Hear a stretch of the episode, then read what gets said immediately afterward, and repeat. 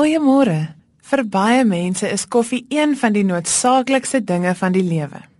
Vir party mense voel dit amper onmoontlik om soggens behoorlik wakker te word as hulle nie eers 'n koppie koffie gedrink het nie.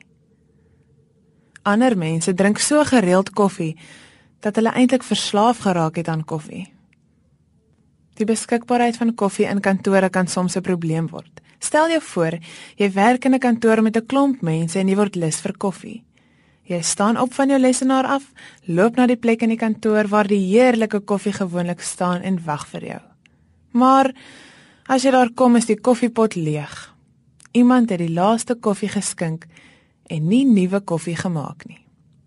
In 1991 in 'n rekenaarlaboratorium in Cambridge het die mense in die kantoor hierdie probleem probeer oorkom deur 'n kamera by die koffiepot te installeer. Hulle het die beeld van hierdie kamera op die netwerk beskikbaar gemaak sodat mense deur hul rekenaars kon sien hoeveel koffie daar nog in die koffiepot oor is, sodat hulle nie verniet na die koffiepot hoef te loop nie. Daar word gemeen dat jy's hierdie die ontstaan van die webcam sou wees. Ek wonder gereeld of ons op hierdie manier ingestel is op God sal ons so gedurig soos ons koffie drink met God praat. Is God vir ons so belangrik dat ons 'n webcam sal opstel?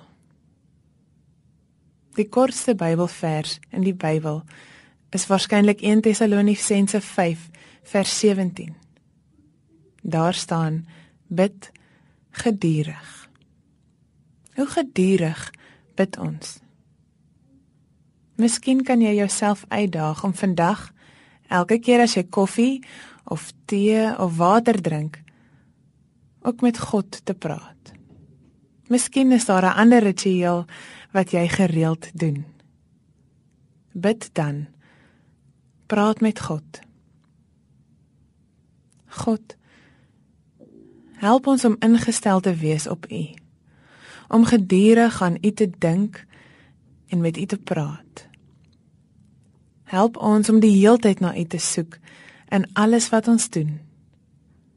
Ja Here, help ons om gedurig te bid. As ons koffie drink of tee, as ons met iemand gesels, mag ons U soek.